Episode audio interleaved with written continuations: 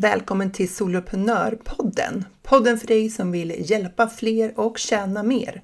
Jag heter Jill Nyqvist och det är dags att skapa stordåd.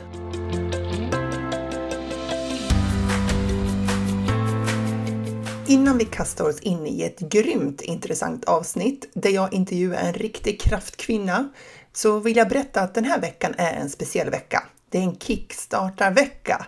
Där jag kommer att köra en massa livesändningar i Facebookgruppen. Du vet Soloprenör, din guide, soloprenör.nu, din guide till medlemstjänster.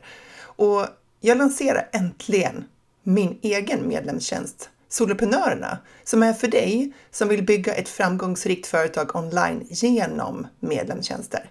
Du ska gå med där om du har tröttnat på att spilla tid och famla i mörkret och känner dig lite osäker på hur du ska få de här resultaten som du strävar efter för här finns ju inte bara jag, utan jag tänker ett helt gäng andra som gör samma resa som du. Och medlemstjänster, det ger dig en grym möjlighet att få den här friheten som du strävar efter och de intäkter du har drömt om och att du verkligen kan hjälpa dem du brinner för att hjälpa. Dörrarna är öppna 17 till 22 november. Så håll koll på det, 17 till 22 november och då kan du välja på om du vill ha ett månadsabonnemang eller årsabonnemang. Eh, priset är detsamma, men väljer du att satsa ett helt år, då får du liksom mer värde. Du får egen coachning med mig, fyra timmar. Jag tänker mig ett per kvartal. För då skulle vi kunna göra upp en grym plan för hur ditt företagande ska komma och se ut de kommande 90 dagarna. Dessutom får du tillgång till hela webbkursen Skapa din lönsamma och hjälpsamma medlemstjänst. Så är det så att du inte har en medlemstjänst idag och du tecknar för årsabonnemanget, då har du allt du behöver för att komma igång i den webbkursen direkt tillgänglig när du går med. Förutom det här då så får du gruppcoachning där du kan ställa dina frågor och lära dig av andra. Jag tänker att vi kör en gruppcoachning per månad och jag tror att det kommer att bli väldigt, väldigt bra. För att då får du möjlighet att inte bara ställa dina frågor utan också höra andras frågor. Och grejen med gruppcoachning, det är ju att man lär sig saker från andra som man inte ens visste att man behövde, men som man inser när man hör dem att jag sitter ju i precis samma läge och så har man liksom fått det till sig. Det är hur bra som helst. Dessutom så kommer vi att jobba med den allra viktigaste resursen i ditt företag. Mhm.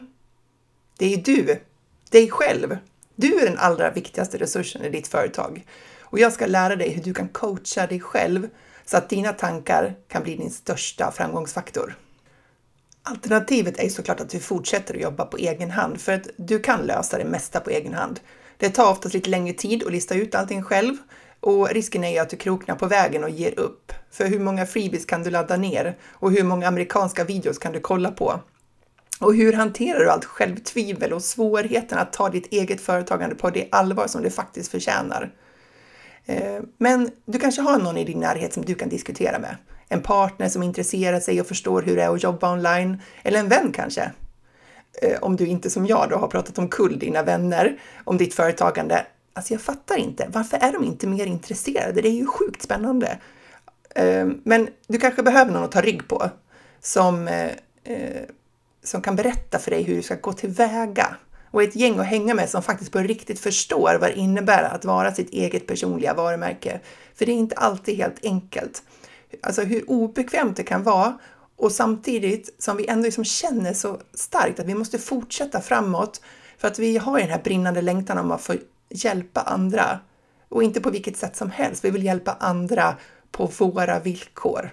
Ett jobb med frihet, eller hur? Det är ofta det som är grunden till varför vi valde att bli egenföretagare. Vi vill kunna styra över vår egen tid. En vardag där vi kan hjälpa fler samtidigt som vi tjänar mer.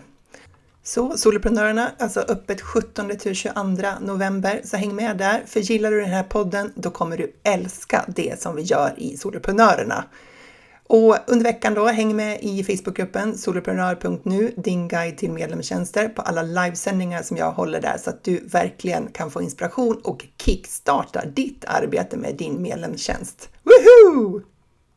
Men nu till den här veckans avsnitt. Det är en intervju som jag har haft. Har du följt henne på sociala medier så vet du att hon är en riktigt eh, tuff kvinna som inte skräder orden.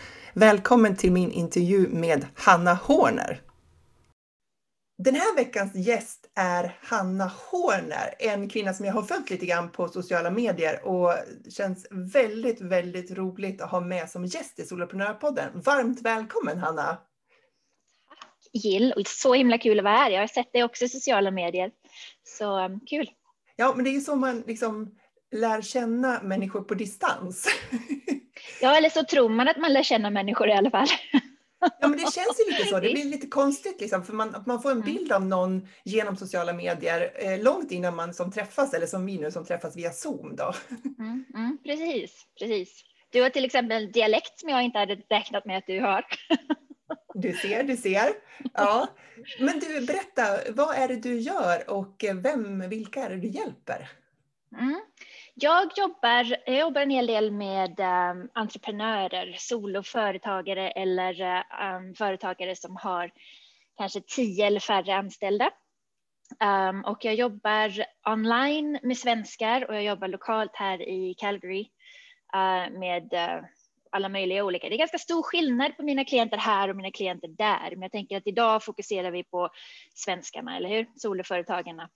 Svenskarna som jag jobbar med. Och där jobbar jag med ah, där har, jag gått, där har det gått en liten krokig väg framåt med hur jag jobbar med svenskarna.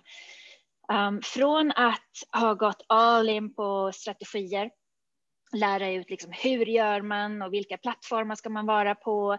Hur gör man när man säljer? Hur behöver man liksom vilket språk ska man använda när man säljer? Vilka ord är säljande? Hur gör man för att nå ut i sociala medier och sådana där liksom rent konkret strategi? Um, men så har jag en sån här en ganska bra vana som jag har utvecklat genom åren och det är att se på allting i review, att jag ser på allting i backspegeln. Har jag fått de resultaten som jag vill ha? Um, och jag är väldigt, väldigt driven av att jag faktiskt får lov att ha impact på folk, att det faktiskt, att de får sina resultat, att de når sina mål. Men så genom åren, jag började jobba mot just en svensk målgrupp just online ungefär 2012. Och så genom åren då så, så um, har jag märkt att folk fortsätter ju bara snurra runt hos kollegor som vi ser online. De tar kurs efter kurs och de följer med på gratis utmaningar och de går med i den membershipen och, så kommer, och sen kommer de tillbaka till mig och sen så snurrar de vidare i de här, vi som jobbar online, som riktar oss mot entreprenörerna i Sverige vill hjälpa till. Men någonstans så kommer de ju inte riktigt vidare. Det var precis i ett samtal innan det här så pratade jag med en kvinna som sa att hon hade läst statistik på att um, otroligt få svenska företagare tjänar mer än 500 000 kronor. Okay. Visst, det, vill vi, det gillar vi ju inte att höra. Nej. Vi vill ju ha liksom folk vidare och förbi miljoner och uppåt. Liksom. Så jag sitter just i, för ett år sedan började jag samarbeta med en annan svensk entreprenör som heter Camilla Gyllensvan och hon kör ju väldigt mycket med neurolinguistic programming.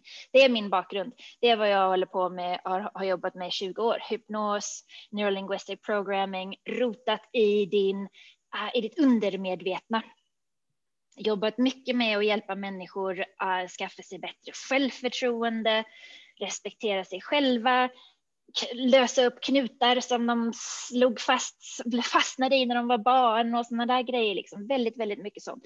Och jag ville ha jag ville ta paus från det där. Jag tänkte, nej, men, nu orkar jag inte hålla på och rota i terapier och grejer längre. Nu vill jag bara jobba med strategi.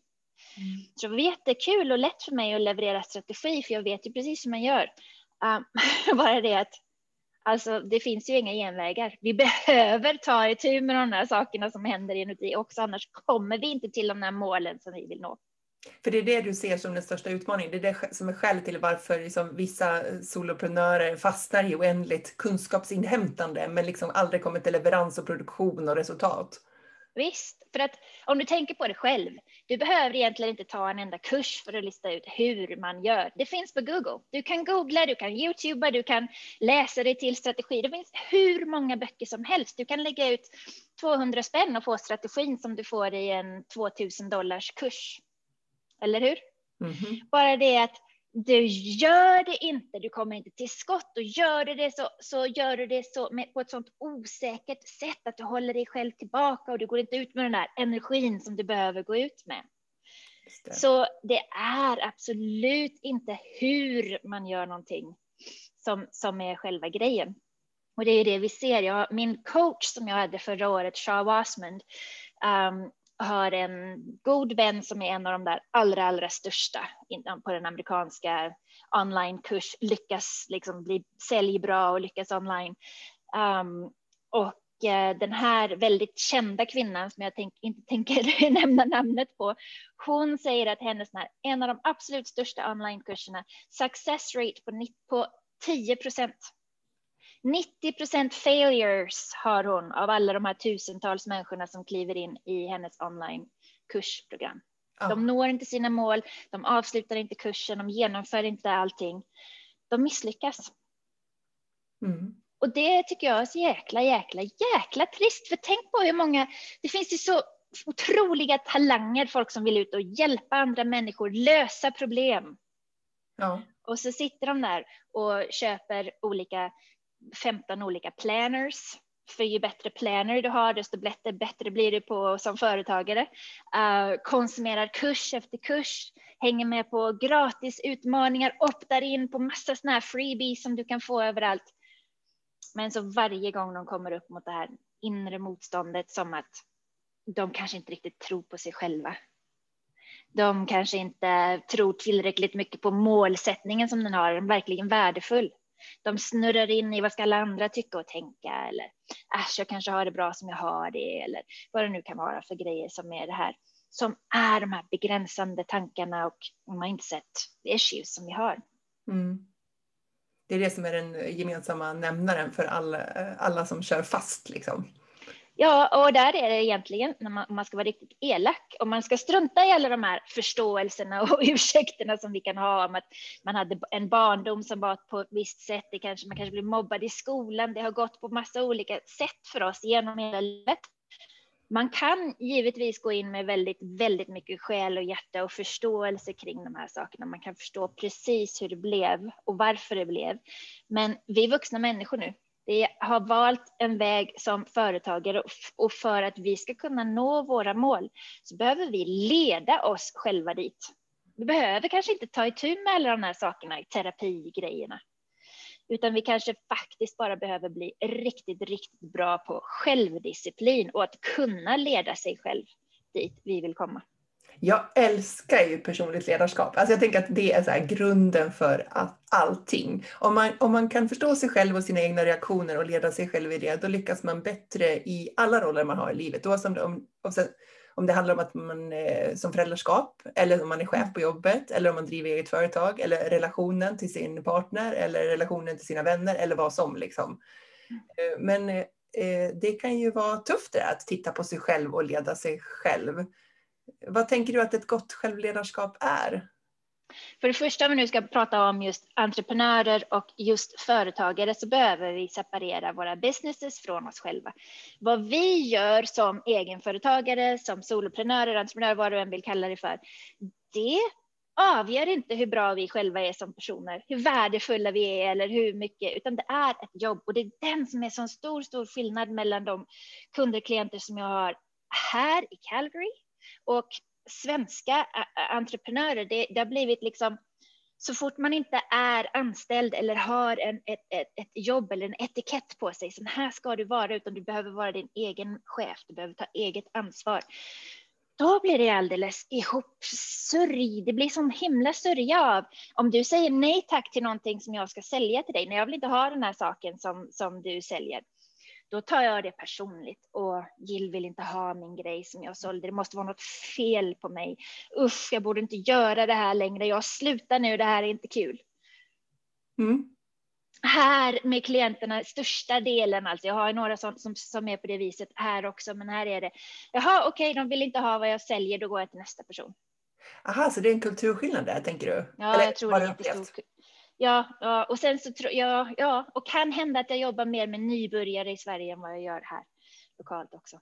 Ja, du tänker att man kanske blir lite luttrad, eller man behöver inte bli det, men tänk att man kan gå igenom hela livet och inte lära sig eller utvecklas något. Men, men om man är kvar som företagare så har man lärt sig att hantera det där jag tror att man förstår till slut att det handlar inte om mig. Det är ju det som är när, när du är osäker på att leverera, framförallt som, som jag jobbar ju väldigt mycket med coacher och, och healers, människor som vill ut och faktiskt verkligen hjälpa andra. Och jag tror att till slut så förstår du att du kan inte stå i fokus själv, utan den här servicen som du har att erbjuda, tjänsterna som du säljer, människorna som du kan hjälpa, det är ju dem det handlar om. Så vem fasen bryr sig om ifall du misslyckas eller ser knäpp ut? För du kan gå ut och hjälpa människor. Jag tror att till slut som företagare, när man har varit med ett tag, varit med några år, så har man insett att jag kan inte hålla på och gråta ihjäl mig vid varje nej jag får. Upp igen, kör vidare. Liksom. Men om man inte vill att det ska ta liksom, tio år att komma på det, då, vad, hur gör man för att eh, eh, leda sig själv lite snabbare framåt till att klara av de här motgångarna eller ta det där nejet utan att ta det personligt? Mm. Alltså för det första är det en mindset där att det du erbjuder dina produkter är inte du själv.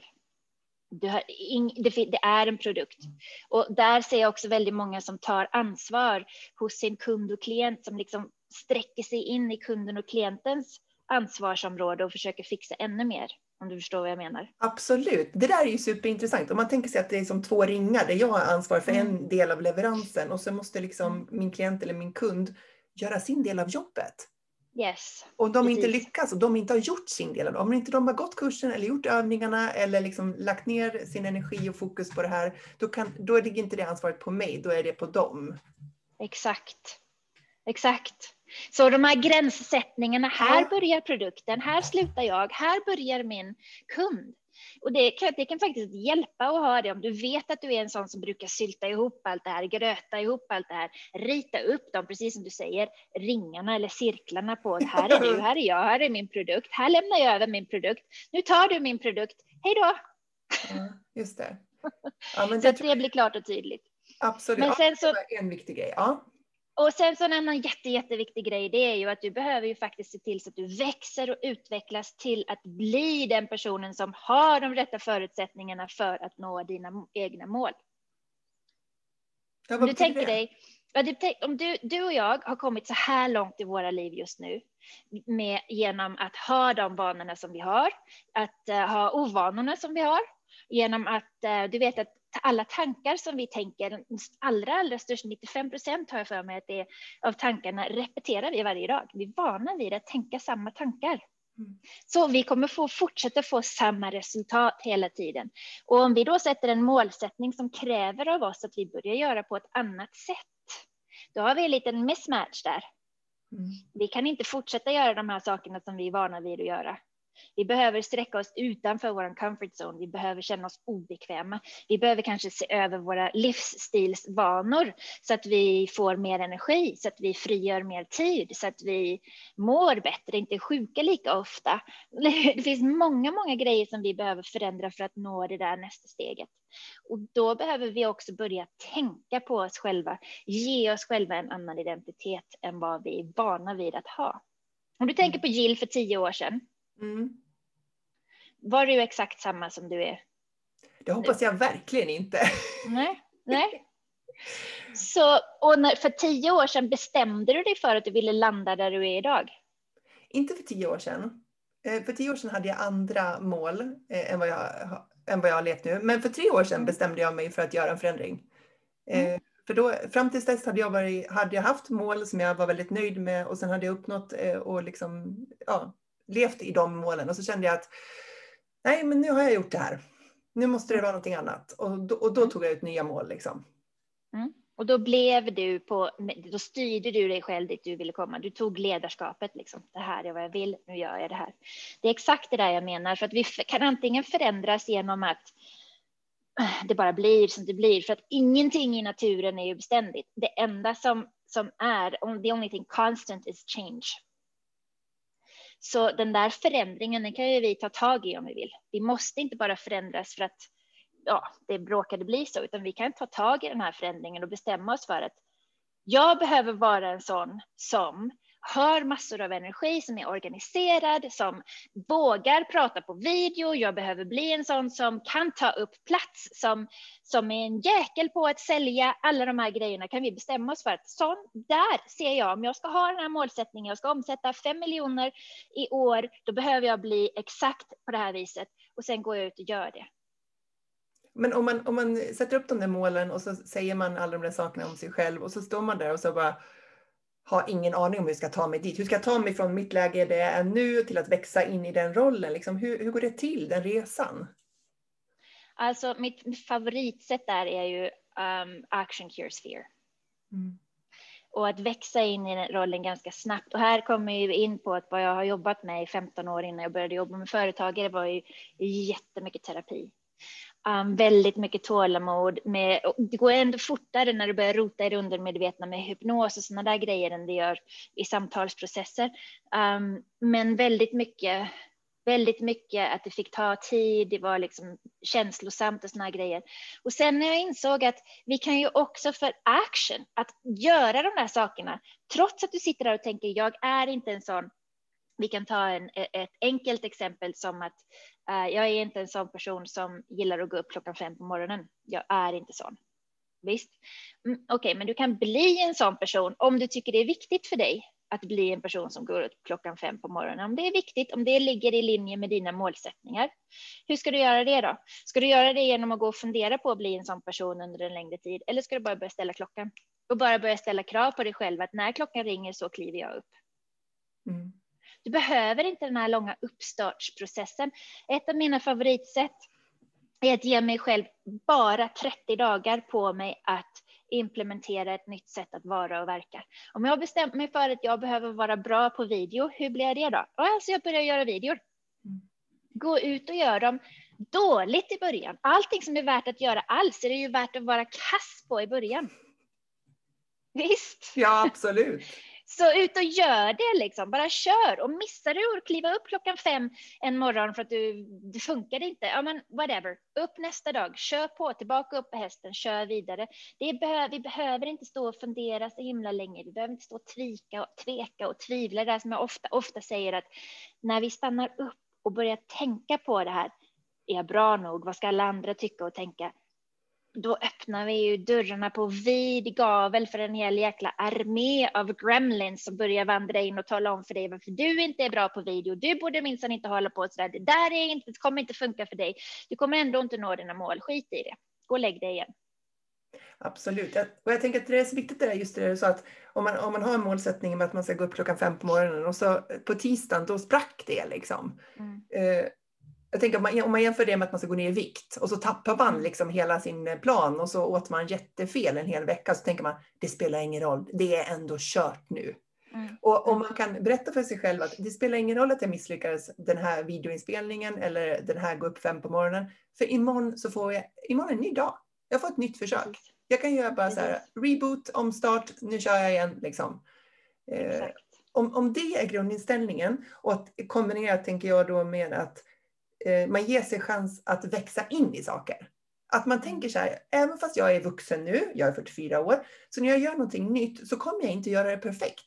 Och det är okej, okay, för det är en del av resan. Då får jag ju liksom, för barn får ju alltid lära sig. Barn får ju öva på saker, de får misslyckas, vi peppar dem och vi som liksom lyfter och allting sådär. Men sen vi vuxna, vi förväntas liksom bara sätta en kamera framför oss så ska vi göra det perfekt. Gjorde vi inte det, ja men då är vi kassa. Varför ger vi oss inte den liksom chansen, tänker jag, att få växa in i saker? Precis. Och antagligen dessutom, om man nu ska ta bort lite mer kring rädslan för de här grejerna som har ingenting att göra med mindset. Om du är nystartad som företagare eller den här personen som är väldigt ovan på just om vi pratar om video och såna här grejer du kommer inte ha så där väldigt många som tittar på det i början. Det är ungefär som, en, det, är ungefär som det här med, med att när du tänker dig att du ska starta familj så tänker du inte på att ha en tonåring i huset utan det är den gulliga lilla bebisen liksom. Ja visst, och så växer man in i resten. Liksom, så man, så klarar man, in i resten. man överlever tonåringen sen. Gör man verkligen det? Ja, jag vet inte, jag håller på. ja. Precis. Och sen så en sak till som, som är jätte, jätteviktig där som, som du ehm, um, pratar lite grann om när du pratar om att gå ner i vikt. Det är också ett bra, en bra grej att ha som exempel just för det här som jag pratar om att vi behöver börja tänka på oss själva på ett annat sätt. Om du vill gå ner i vikt och du vill hålla den här vikten, det här var ju någonting som jag pysslade en hel del med när det var mer hypnos, eller hur? Um, om du vill kunna gå, inte bara gå ner i vikt utan hålla din nya vikt så behöver du se dig själv som den personen som är smal eller vad det nu är du vill vara, vältränad, stark, vad det nu än är för någonting. Du behöver skifta hur du ser på dig själv, de här automatiska tankarna, alla de här grejerna. Och det gör du precis på samma sätt som, du, som att du går upp klockan fem på morgonen. Eller att du sänder den här liven eller vad det nu kan vara för någonting. Du styr dina tankar dit du vill ha dem för att det är du som är tänkaren. Du blir inte tänkt. Nej, det där tycker jag är jätteintressant för att när man lever inifrån sig själv som vi alla gör så kan man ju lätt tro att man är sina tankar. Mm. Eh, och att allt man tänker måste vara sant för att jag har liksom tänkt det. Mm. Eh, och, och det där skiftet när man förstår att man kan liksom på något vis titta på sina tankar utifrån och börja liksom bli medveten om vad det är som poppar upp i hjärnan. Och så har vi 60-70 000 tankar per dag och så 95 procent av dem då går på auto-repeat. Jag kan inte räkna ut hur många procent det blir, men det blir många som går på auto-repeat. Mm. Då blir det lite viktigt vad den liksom automatiseringen, vad den innehåller. Exakt. Inte, det, det är ju det som ligger till grunden och det är exakt det som vi behöver. Um, du vet hur man brukar säga det här med att you have to begin with the end in mind. Visst? Mm. Uh, och att där har du din målsättning. Här är livet som du vill leva. Det här ska du uppleva. Du vill kunna hjälpa si och så här många människor och så här ser din egen livsstil ut. Hela den här biten. Det är ju där du börjar. Det är ju den identiteten som du ska styra dig själv till att ha. Mm. Så du får börja där och identifiera. Okej, okay, vilka vanor hjälpte mig att ta mig hit? Vilka tankar är det jag tänker här i framtiden när jag har nått mina mål? Och det är ju där vi kan börja prata om att använda affirmationer och uh, massa sådana där liksom, tricks som vi kan ta till när vi ska programmera om. Ja, för hur, hur gör man den där liksom förflyttningen? För jag tänker att man, man är liksom i det, de tankar som har lett en fram till där man är nu då. Och sen mm. har man mm. identifierat den där framtida bilden och sen inser man att det är ett ganska stort gap här emellan. Mm. Och att jag blir liksom kvar i att tänka på det här sättet som jag alltid har tänkt. Hur, hur, liksom, hur, hur förflyttar jag tanken till det nya? Mm. Jag tycker det är fantastiskt bra för att vet, um, det finns otroligt många framgångsrika människor som säger att det är en enda vana som har fått dem att nå alla de här målen. Och det är att du faktiskt tar kontakt med dina målsättningar varje morgon som en del i din morgonrutin. Att du sätter dig där och tänker det här är livet som jag lever nu, si och så här ser det ut. Jag har lyckats med alla de här grejerna och känner den här tacksamheten i förväg. Mm. Jäklar vad bra jag har det och vad bra det går och här har jag nått alla de här målen. Och att du sitter och inleder varje dag på det sättet, för då påminner ju dig själv om, där är ju jag i framtiden och jag har lyckats med de här sakerna och jag känner mig så tacksam för livet och alla de här grejerna. Um, och det där tycker jag, det där tycker jag är en ganska intressant grej också för att när jag pratar med svenskar om sådana där saker som att känna tacksamhet i förväg eller ens ha den här biten med sig i sin, i sin uh, morgonrutin så är det inte lika rumsrent som det när jag pratar om det här. Ah, för här, så, nej, för att här tror jag att vi är så vana vid både att det finns en andlighet här. Det är väldigt många fler som är liksom katoliker eller uh, kristna på andra sätt här än vad, det, än vad vi har, i Sverige. Så där, här finns det ju en andlighet på, något, på ett helt annat sätt. Att de tror på en kraft som är större än de själva och sådana där grejer. Så de är lite vana vid de där grejerna, de här tankegångarna. Plus att jag tror att det är allmänt accepterat att, att um, sådana där saker funkar. Att det fungerar, så varför gör man det inte? Liksom? Du har män som tjänar biljoners biljoner dollar, Grant Cardone är en av dem, um, som säger att hade det inte varit för att jag hade satt mig ner med en sån här morgonrutin så hade jag aldrig nått mina målsättningar. Ja, jag tror inte vi har de superframgångsrika uh, företagen som pratar om saker på samma sätt hos svenskar som, som vi kanske har här på det viset. Nej, men det, det är nog sant. Om man tänker sig vad man ser liksom stora företagsledare prata om så är det ju definitivt inte det där i alla fall. Nej, precis. Eller hur? Det är lite flummigt så, lite woo-woo typ. Ja, just det.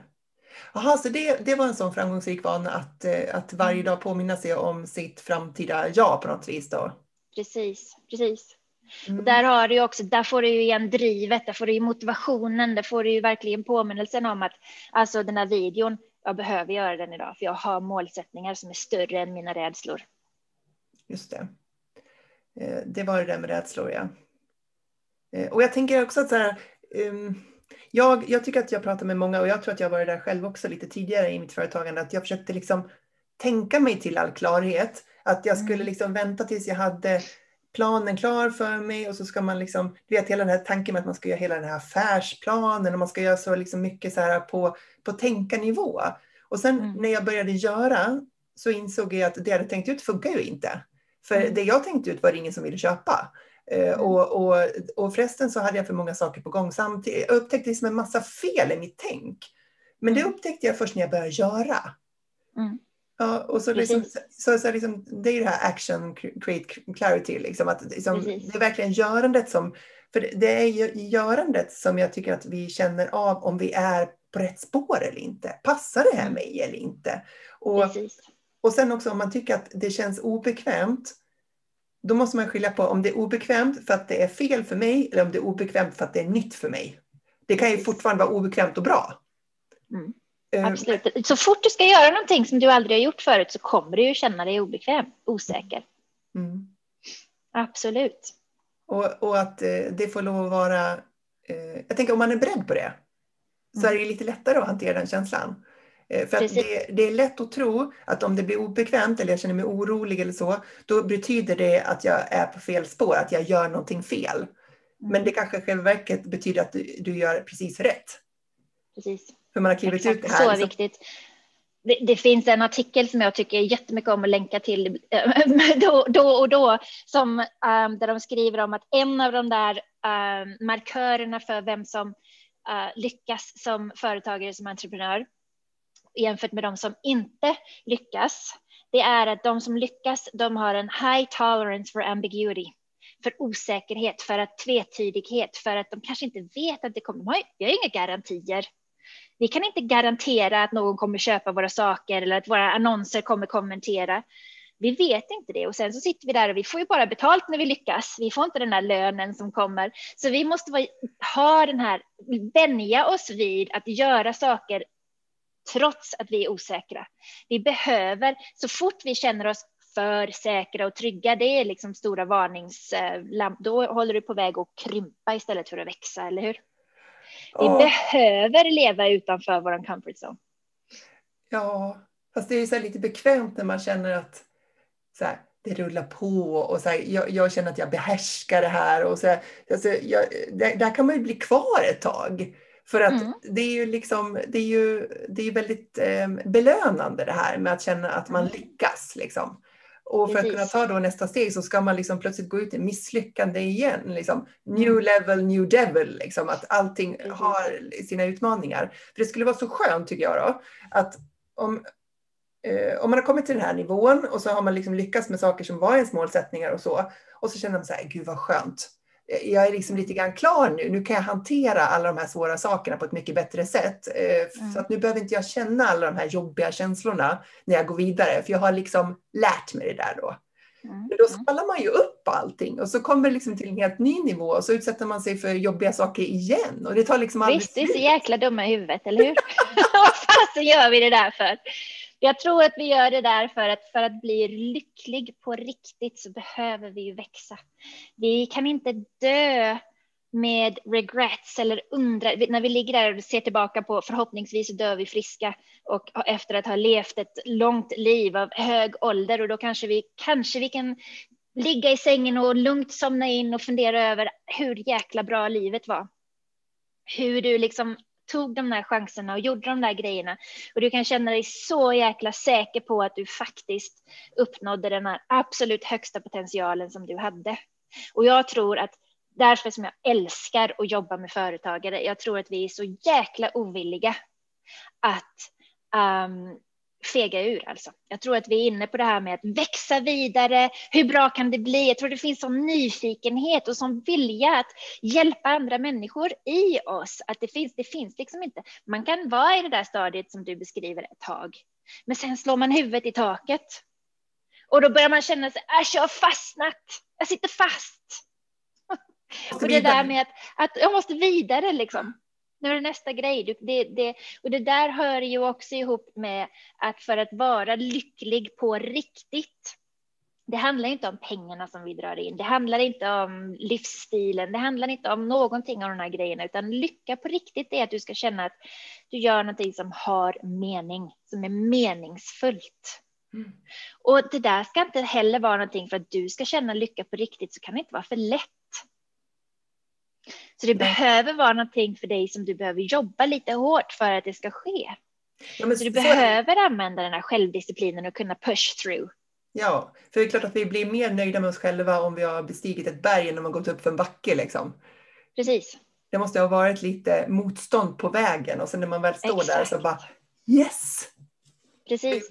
Och du vet det här som man säger att det handlar ju aldrig om målsättningen egentligen utan det handlar ju bara om vem man blir på vägen dit. Ja, vad betyder det? Att målsättningen har vi bara som vår liksom, destination för vår GPS så att vi kan se att vi ska vidare, vi ska upp för berget då. Vi ska upp för berget. Um, hur ska vi gå? Hur kommer vi dit? Nu är vi här. Okay. Vem blev du på vägen upp för berget? Du blev starkare, du blev gladare, du hade mer impact, du, alla de här grejerna. Och sen står du där på berget och tittar på den fantastiska utsikten. Men sen så, om du har varit och klättrat i bergen med mig så ser du alltid att det finns, ja men den där toppen, den skulle jag vilja gå till. Ja. När gör vi det? Kan vi köra liksom nästa peak, du vet?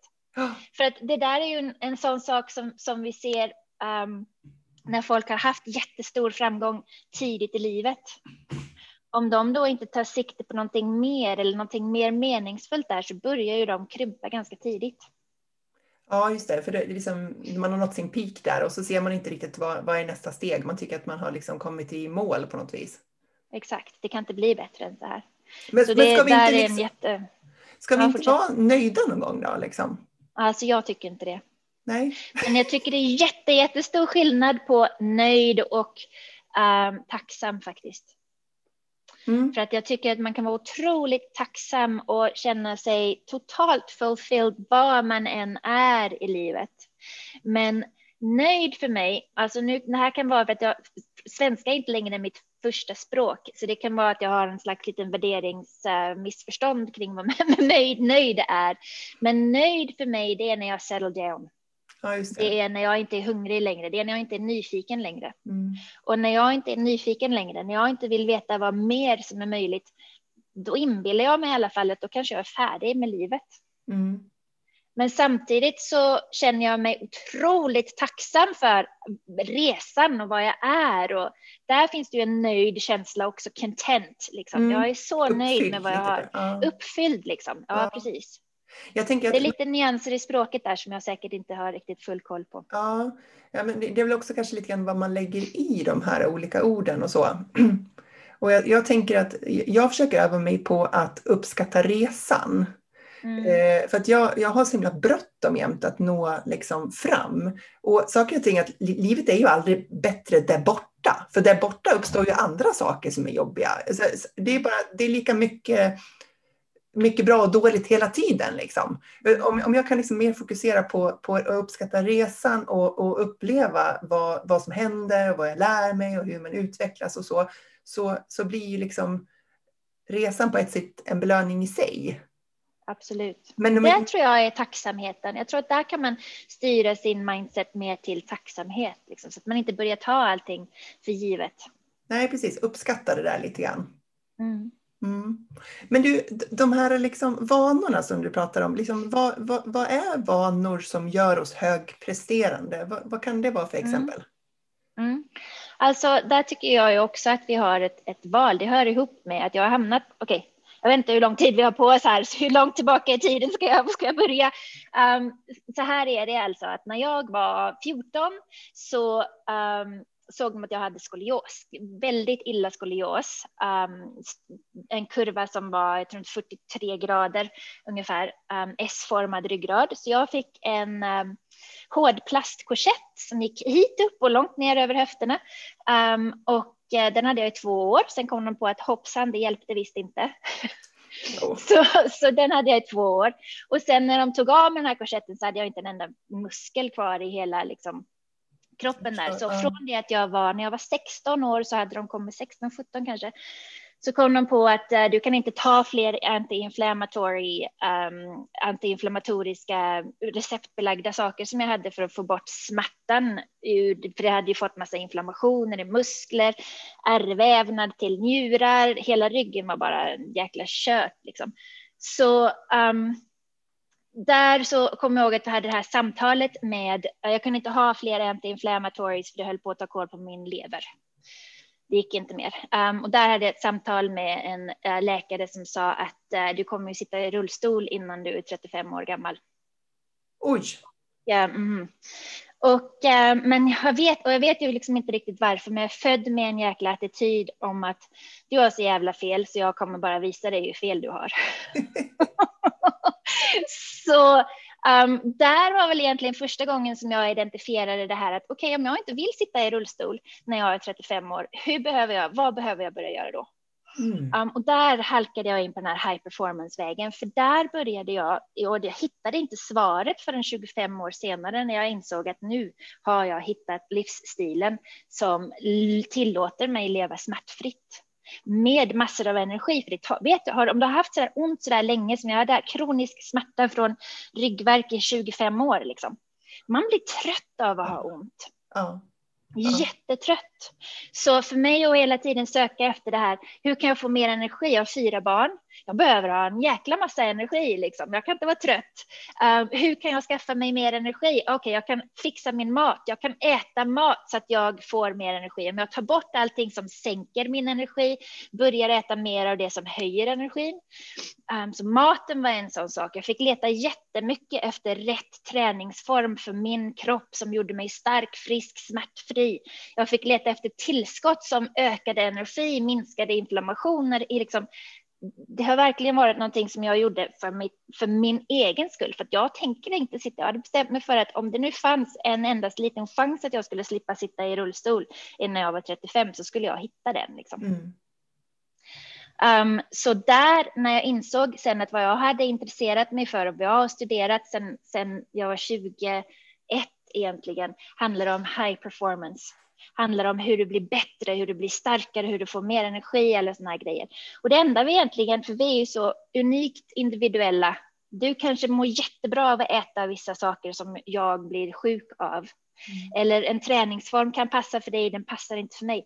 Vad vi kan vara helt säkra på är att vår mat behöver vara ren, precis som våra tankar behöver vara sådana som stärker oss. Om jag hade ätit rätt, tränat rätt, gjort alla saker rätt och haft tankar som talade om för mig att du är ett jävla vrak, försvinn härifrån. Då hade det ändå inte funkat för mig. Mm.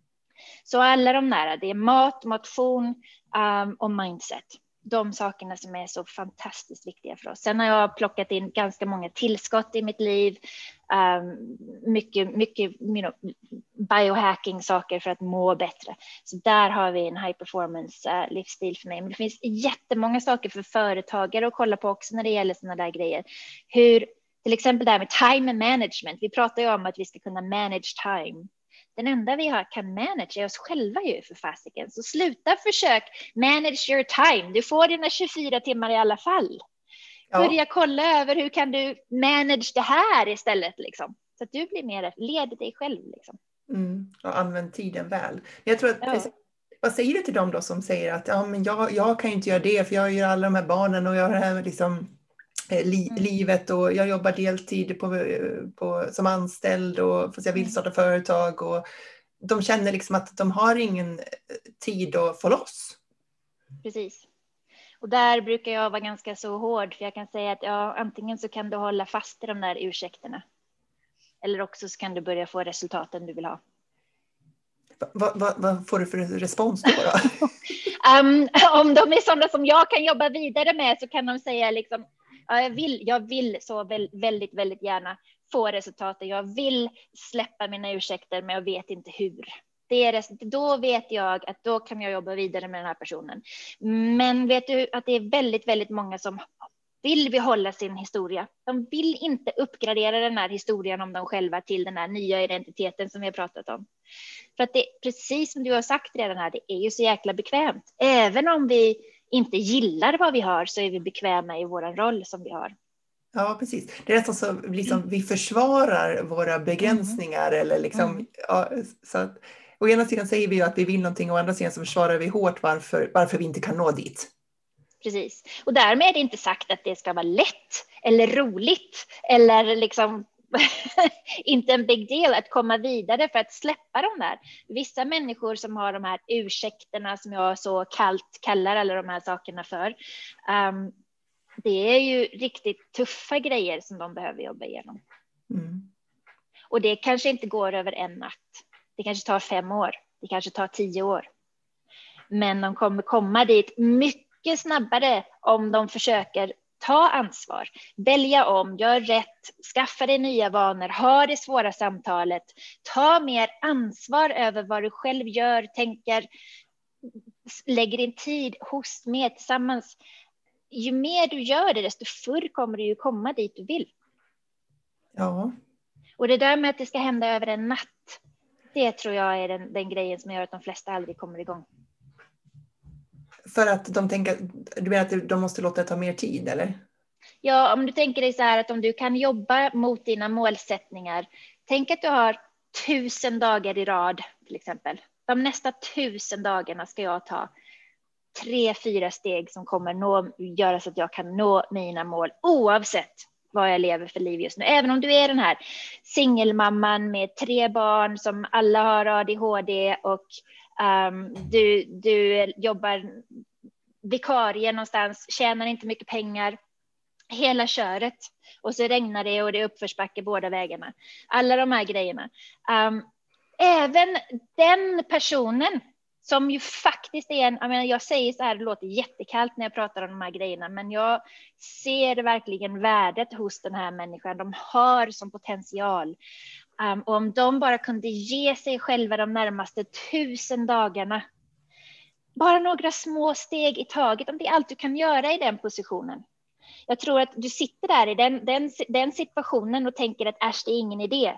För att mm. om en vecka kommer jag ändå inte få ett resultat. Jag kommer inte få ett resultat om ett år. Men om du sen börjar ge dig perspektivet med de närmaste tusen dagarna eller de närmaste 5000 dagarna, kan du ha åstadkommit någonting då? Ja, precis, för man kanske underskattar Alltså, man, man liksom överskattar vad man tror att man kan åstadkomma på en dag medan man underskattar vad man kan åstadkomma på ett år eller på två år eller så. Precis. Exakt så är det ju. Jag tänker också Precis. på det här, liksom, det finns, jag lyssnade på någon podd eh, från USA, du pratade om the compound effect. Mm. Mm. Eh, jag vet inte vad det heter, compound, så här, pålagringseffekt mm. eller typ lite så här ränta på ränta effekt. Mm. Eh, och, och det finns ju ändå liksom något, tänker jag, eh, uppbyggligt och lite trösterikt att, att eh, man kan börja med små saker. Precis, och det är ju att ta ansvar. Du behöver inte, om du sitter i, jag har en klient som är i en high conflict divorce situation till exempel. Uh, hon kan inte gå ut och börja prata med sin blivande exman eller säga massa saker till honom för att uh, han kan bli våldsam liksom, direkt reagera på det viset eller. Eh, hota henne på andra sätt, utan då är det ju för henne att ta, ett, liksom, ta ansvar över den situationen är ju just det här lilla steget i taget som hon kan göra. Hon har fått hjälp, hon har liksom börjat, men hon gör någonting åt situationen. Liksom. Hon äger att hon har, kan göra någonting åtminstone varje dag för att komma ur den här situationen.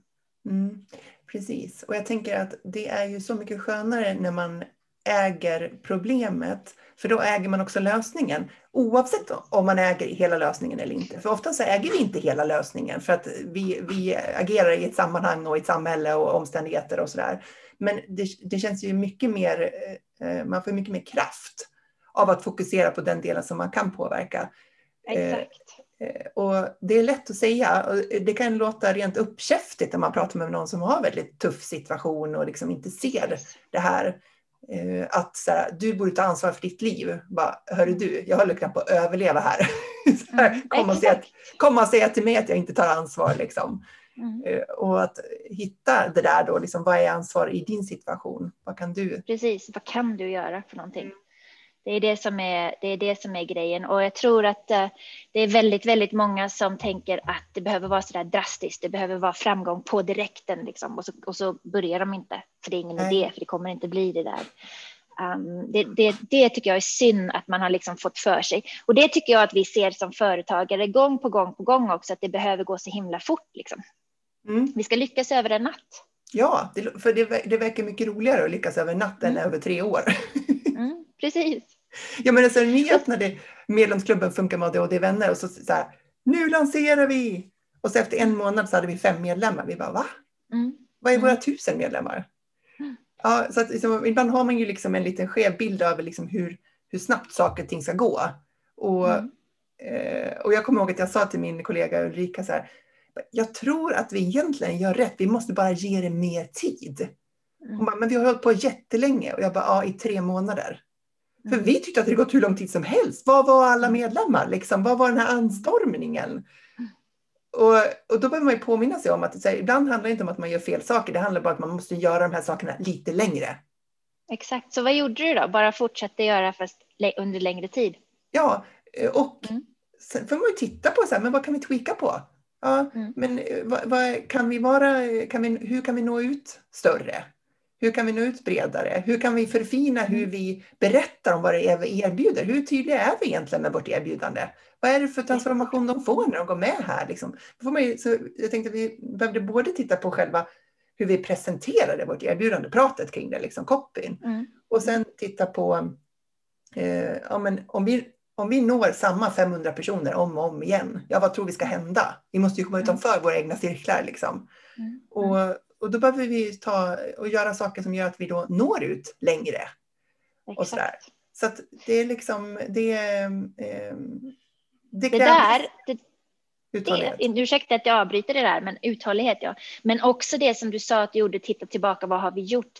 Det där med att köra review, att se i backspegeln, har det här som jag har gjort fram tills idag gett mig de resultaten som jag vill ha?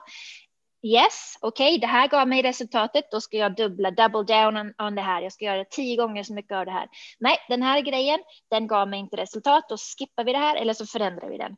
Mm. Den biten som du säger hoppar de allra flesta över. De tänker bara att aha, då gör jag bara mer av allting så kommer jag få bättre resultat. Ju hårdare jag jobbar, ju mer jag jobbar, alla de här grejerna, desto bättre resultat kommer jag få. Så det där som, det, här, det är ju Paretos princip 80-20. Um, med att du, det är bara det är 20 procent av dina actions som ger dig 80 procent av dina resultat. Alltså kan du skära ner på 80 procent av allt du gör och ändå behålla resultaten. Um, det är att jobba smartare.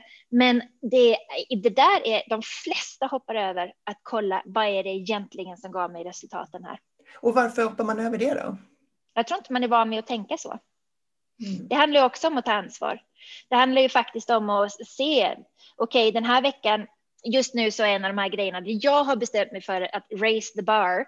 Jag får migrän um, ibland, inte speciellt ofta, kanske tre gånger om året, men tre gånger om året, tre dagar i rad, mörkt rum, liksom, det, det är lite besvärligt. Ja. så, så där är en sån sak som jag har bestämt mig för att höja ribban. Jag ska inte ha de här migränattackerna ehm, um, längre. Och um, då kan jag ju kika på, för, så två veckor sedan fick jag migrän. Um, och då är det ju liksom, okej, okay, vad har jag ätit? Vad har jag tänkt? Vad har jag inte ätit? Vad har jag? Det är ju hela tiden att kolla av vad var det som ledde till. Jag tar ansvar för att jag fick migrän. Jag vet att vi hade chinook, det är ett speciellt vädertryck ute och det påverkar det påverkar histamin och grejer, så man kan tänka sig att jag är bara ett stackars offer som får migrän när det är sånt här väder ute. Um, eller så kan jag se det, okej okay, om min kropp får migrän, men min mans kropp får inte migrän, alltså finns det någonting som jag kan förändra i min kropp så att jag inte får migrän längre. Vad är det för någonting? Jag behöver kolla på vad jag gör, ta ansvar för de här sakerna, kan jag göra det på ett annat sätt, alla de här grejerna. Mm. Um, och där, det, det handlar ju om att antingen så tror du att du är ett offer för omständigheterna, eller så tar du ansvar för att du ska faktiskt ha de här resultaten som du vill ha. Mm.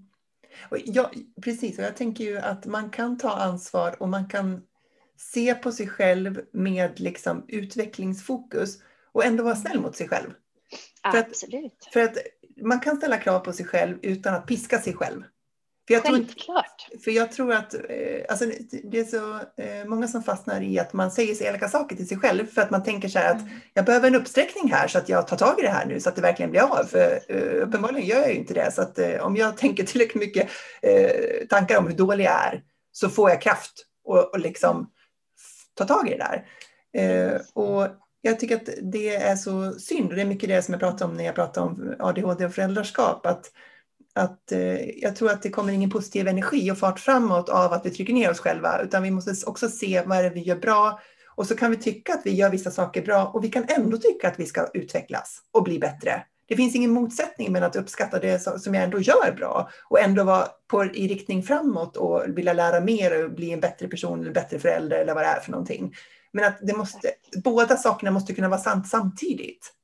Precis. Det är jätte, jättebra att du pratar om det där, för det är någonting som som eh, jag vet att jag, när jag själv pratar om sådana här saker, så då missar jag ofta att ta med den här biten, för det är så självklart i min värld att jag är snäll mot mig själv. Jag, jag har ju jobbat så hårt på att bli en sån som är snäll mot mig själv, för det är en sån sak som jag identifierade som en av de här framgångsidentiteterna som jag vill ha. Jag vill vara en sån som respekterar mig själv och älskar mig själv och känner att jag själv är värdefull. Så det har jag jobbat jättemycket på. Men du vet hur det blir när man har vant sig vid någonting, det blir man totalt hemmablind Mm. Så när jag är ute och pratar om sådana här grejer så kan jag låta vansinnigt tuff. Jag kan låta som jag bara sparkar och piskar och grejer. Men, men för mig, om vi tar det här med migrän, så är det ju inte vad fasen gjorde jag för fel din jävla idiot, utan det är att nej, men nej tack, jag vill inte ha migrän längre. Så hur ska jag göra då för att jag ska må bättre? För jag är värd ett bättre liv. Jag vill ha, kan jag unna mig någonting ännu bättre? Så att jag kan få mer av de resultaten som jag vill ha. Det är samma liksom actions kanske, men från ett helt annat perspektiv. Ja, precis. För jag tänker från vilken energi vi tar action, vi gör saker, har en himla påverkan på hur, vi, hur hela upplevelsen blir. Mm, exakt. Och resultatet. Mm. Men du, eh, om vi skulle, innan vi avrundar, om du skulle säga så här, vad är dina bästa tips till de som lyssnar på det här och står inför någonting som de vill, men de vågar inte riktigt ta steget. Mm. Vad, hur får man sig själv att våga? Vad, vad är dina tips? Jag tror att du behöver, jag tycker du behöver skaffa dig klarhet i exakt vad är det som du vill ha. För där har du din nordstjärna, där har du den här saken som du kan gå och skriva om i en drömdagbok om framtiden som ska bli så, liksom bygg upp det här drömmen som du har. Vad händer när du når ditt mål? Och låt den få så mycket energi och bli så stark och liksom funka som den här magneten som bara drar drar dig till sig så att det som jag brukar säga där är ju att det här som du vill skapa, din målbild, det här som du vill ha behöver vara så mycket större än din rädsla. Och där kan du börja ta action, börja göra de här, känn in, liksom, det är värt besväret för det är hit jag ska. Jag ska kunna hjälpa så här många människor, jag ska kunna ha den här livsstilen själv, jag ska, de här grejerna. Och där, från det perspektivet så blir det ju viktigt på riktigt att du faktiskt kommer till skott. Mm. Du kan inte längre vara en sån jäkla självisk liten person som inte vågar satsa. För tänk på möjligheten och potentialen som du egentligen har. Ja, precis. Hur många människor kommer du inte hjälpa om du är kvar där du är idag? De, folk går omkring där ute i världen och har en massa problem som du kan lösa. Mm. Ta dig i kragen och gå ut och lös problemen åt folk. Liksom. Underbart. Du, de som vill komma i kontakt med dig, vart, vart, vart, vart hittar man dig?